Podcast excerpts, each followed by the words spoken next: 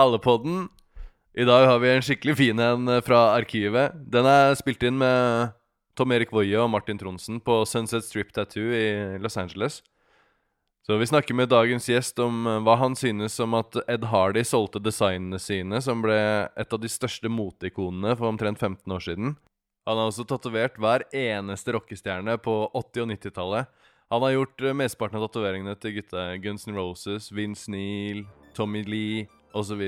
Han endte også opp med å dra på turné sammen med Mutley Crew, slik at de kunne tatovere seg istedenfor å være på fylla. Og det gikk jo akkurat som du tror. Velkommen, Greg James.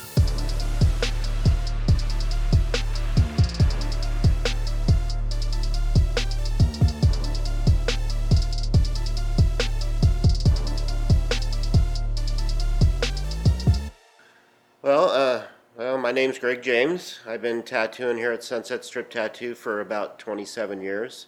Uh, I've been tattooing total about 32 years. Uh, started out with my older brother, Tennessee Dave. He's the one who taught me how to tattoo. He works over in. Uh, he closed his shop. He works in a place called Vintage Tattoo now. Just you know, um, I came to work at Sunset because of uh, do the Japanese style. So, do you like being in the on the strip? Yeah, you know, uh, well, we're at now is a little bit uh, about a mile from where uh, we're a mile east from where we used to be. Original location, you know, back in the '60s, it was more on the strip. But uh, you know, the House of Blues came in, and you know, the big business kind of bought the property, and now we're back down here. So we'd probably like to be back down on the strip more, but it's actually a little quieter and easier to park down here, so it's okay. So, how was it uh, tattooing here in the 60s? Well, you know, and well, actually, the '80s when you know we're tattooing a lot of rock and roll guys like uh, Guns N' Roses, Motley Crue, and you know that was pretty fun. You know, we had a lot of a lot of excitement, and we were sort of the only game in town. There wasn't uh, 200 other tattoo shops around, so you know we we did pretty good. So we had the Hyatt Hotel across the street. That's where all the rock bands used to stay. It was, it was it was a lot of fun. I mean, you know, they were a lot of times uh, the guy from the liquor store would show up with a bunch of booze, and then we know the band was coming later. You know. All these rock stars and stuff. Did you ever feel like you were kind of getting like a rock star tattooist uh, stamp? I don't think so. I think uh, for us, especially all the guys that work here at this shop, it's all been about the quality of the tattoo, more or less, and we didn't really take a lot of that very serious. You know, uh, you know, most of us here got families and you know, married and kids and stuff, so it's kind of like we're not being, you know, it was it was fun, but we didn't. It's more about the work, the tattoo work, you know, than So, you've been in the business for a while, but who influenced you when you get started and when you were growing up? Well, originally, you know, my brother, you know, I, I was about 15 when he was tattooing, started out tattooing, and I, you know, sort of grew up with it. And, uh, and when I was about 21, I decided to be serious and start tattooing. And then I worked uh, different places uh, for about six years. And then I c- came to work at Sunset because the fellow who started this business, uh, Cliff Raven, sort of was specializing in the Japanese style tattooing, and then his partner Robert Benedetti, who owns it now, um, I, I had a, they had influenced me the greatest amount. So that's the kind of work that I wanted to do. So I made a choice to come here and try to get a job here, and been here ever since. Do you have people that influence you now? Ah, you know, every time I pick up a magazine or look on the internet, there's always somebody doing something nice nowadays. It's not like the old days before, just a bunch of scratchers, you know. Yeah. How do you feel about this whole like uh, Miami Ink, LA Ink, all the commercialism about the tattoo industry? Well, it won't be long now. You'll be able to buy a tattoo kit at Walmart, I think, pretty soon. So why not? it's like it kind of waters it down, you know. But uh, I think the the biggest thing people uh, don't always seek you out for the kind of work they want. They just go whatever's convenient, and then of course, you know, everybody says, "Yeah, I can do that," you know, and they may not always get the kind of quality that you know they might not know the difference, you know. So. And how do you feel about how the TV shows uh, shows the You know, I I don't, I don't really watch them that much. I've seen them, but it, it seems all like, uh, like it's more of they, they create this drama, you know, like any other uh, reality show, and I don't think it has anything to do about tattooing at all. It'd be nice if somebody would make a, a show about tattooing and tattooers and about what it's really like, as opposed to, you know, We visited this uh, old guy. He's called uh, Doc Dog. He lives in Tampa. Oh yeah, He Started the first tattoo shop in Las Vegas back in the days. he was the only one in Vegas for a while. Yep, Yeah. definitely. Yeah. They started out the tattoo uh, reality show like the Miami Ink and the TV series, but more like just about the tattoos. Uh huh. Yeah. They told me he tattooed one of the producers of Miami Ink before the Miami Ink show ca- came on. Oh, that And makes- he makes like, sense, yeah. ideas. They, uh, uh, you know, years ago when I was involved in a in a Discovery uh, uh, sh- uh, show with a, a, director named David Ellis, and uh, he did a, a documentary style uh, movie on tattooing, but they sort of cut it up into like a half hour show and put a bunch of weird crap in it, you know, like they always do, you know, and uh, but um, I think it's called Beauty Tattoo Beauty Art and Pain. It's been on a lot, but what he did, he, I mean, he, he actually spent time, you know, photographing people with large work and sort of showcasing it and doing it in a, in a, in a nice way, like, you know, what people really go through as far as, you know, the commitment of getting the work. And, uh, you know, it, I, I guess it just gets all watered down now, you know, with all uh, the TV shows, you know, it's all about the, their, their drama or whatever, you know. I don't know. I don't know what to say about all of it. Like the whole uh, Ed Hardy T-shirts and all Well, that side I mean.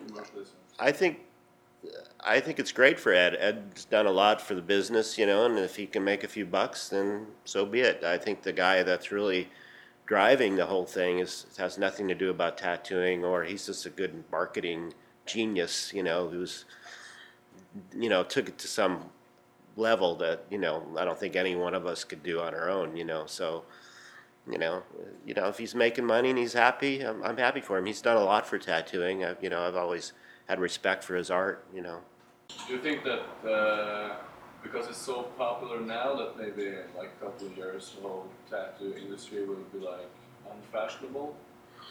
I don't. I don't think so. I think uh, tattooing has become a, a part of uh, uh, you know culture. You know, tattooing has always been. Uh, if you look back on history, it's, you could say it's sort of a very uh, you know a human characteristic to get tattooed. I think, and I think now it's just become easier for people to be able to express that. You know, and uh, I, I think that'll just continue. You know, um, I don't. I don't know about the business where it's going to go as far as like, is it going to keep getting sliced up more and you know or who knows you know? It's, it's hard to say that you know the, right now you know we're going through all this recession and economy it's been pretty hard on us tattooers you know?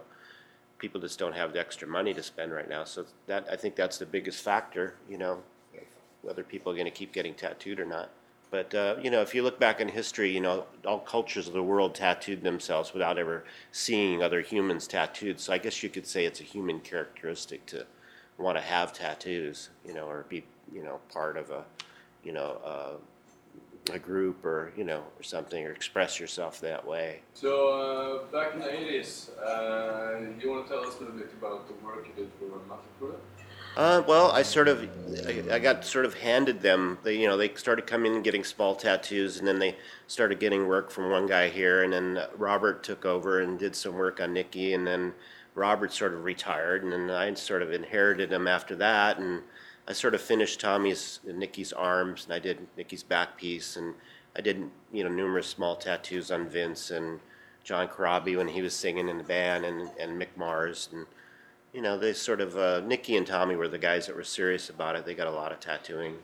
We've you know when you know working with Motley, you know I've I've done little projects for them just for whatever you know they need a font or a little design or whatever, but nothing like uh, nothing serious. Like you know, we didn't I didn't get paid or you know didn't like just kind of collaborate a little bit, you know. But uh, um, there's been a few times where they've sort of used our logo in like um, video and things like that, and you know, it's that's we're sort of always been friendly about that, and. Uh, I think I, one time I painted a bass for him, like he used to use it on tour, something like that. Yeah.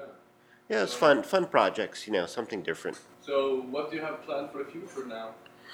Just uh, keep doing my thing. I like doing the Japanese style. I do mostly like you know full backs and sleeves, and just gonna keep doing that. Uh, when you started out, how did like your friends and family feel about you going into the business? Because you know, in the '60s, it was like a little different than the, it is now.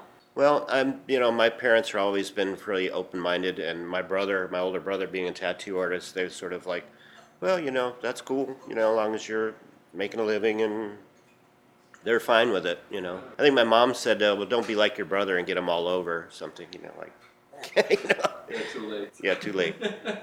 So, uh, how do you, do you want to describe your style? Do you want to describe it as completely Asian, or do you have like a My style is sort of, um, I guess you'd say, an Americanized sort of version of Japanese style tattooing. I take a lot of Japanese elements, and basically, the Japanese style is like a subject matter that has, you know, background and sub background, you know, of elements of, you know, water, clouds, fire, you know, earth, that sort of thing. And I just sort of figure out a way to put it together that, you know, pleased me. You know, people, some people seem to like it, and you know, it's not like real traditional Japanese tattooing. I don't use as much black in my work as as they do. You know, I tend to make the subjects a little bigger and more colorful. So do you have uh, you have a lot of tattoos? Do you have like one or two tattoos that are special to you, or has a meaning or a story or something? Well, I, I think for me, the first part of you know when I first started tattooing full time, I had to get some tattoos to sort of be valid. You know, you can't be sitting in a tattoo shop tattooing people without tattoos. So my first objective was to get a bunch of tattoos on my arms. So, and I hadn't really discovered Japanese style or anything, just the Western style of tattooing. You put one here and you put one there, and you know, just kind of like, and you know, that's sort of how it went. There was no real plan or reason or you know my brother did most of the stuff on my arms, you know, but it's all like 30 years old, some of it. It's just more, more for fun, you know. And I tried to get things tattooed on me that I wanted to do, like colorful things, you know. This was actually my very first tattoo I ever got, A little heart with mom and dad. A little Mickey Mouse wizard. Little Mickey Mouse wizard, yeah. So, do you have any uh, cool stories you want to tell us about? I see, I've seen you tattoo like a bunch of people that are well known. I've seen some porn actresses uh, over here and stuff. so you gotta have some cool stories to tell us. Ah, I wish I could remember them. I mean, it's, you know, most of the stuff uh, been a while ago, and you tend to tends to get watered down. You kind of forget. Uh, uh, you know, it's it's funny. You know, like you say, a porn actress. You know, God, they come in, they dress just like the girl next door. You don't necessarily know they're a porn actress, and then they tell you and you say, "Oh, give us a picture. We'll put it on the wall," you know, and things like that. And uh, one time I went out to Motley Crue. They said, "Hey, come on the road with us. You know, we're trying to be sober. You know, we'll get some tattoos while we're on the road instead of drinking and partying. You know." So I went on a tour bus for about ten days, and just you know, tattooed and stuff like that. That was pretty fun, but it wasn't. It was more like work because you know, hey, the tattoo guy's here. You we got to get something, and then you know, and of course they're trying to be sober. As soon as I leave, then all hell breaks loose. You know.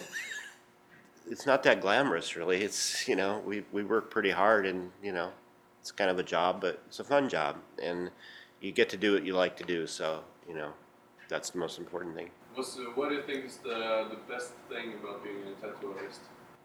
Well, you're pretty much your own boss. You know, if you if, if you're not feeling it, you don't have to do it. You know, uh, nobody says that you, you know you're providing service. You don't have to serve somebody if you don't feel it. You know, uh, um, you can kind of make your own hours. You know, um, you get to be creative if you want to be, or you can just not be and just you know do what people want, and it, it's kind of a pretty gratifying kind of thing, you know, when you do something and people are happy with it, you know, and it's there forever, you know, kind of makes you feel good.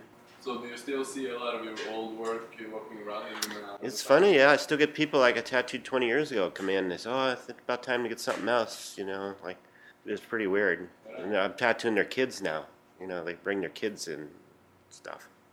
Makes me feel old.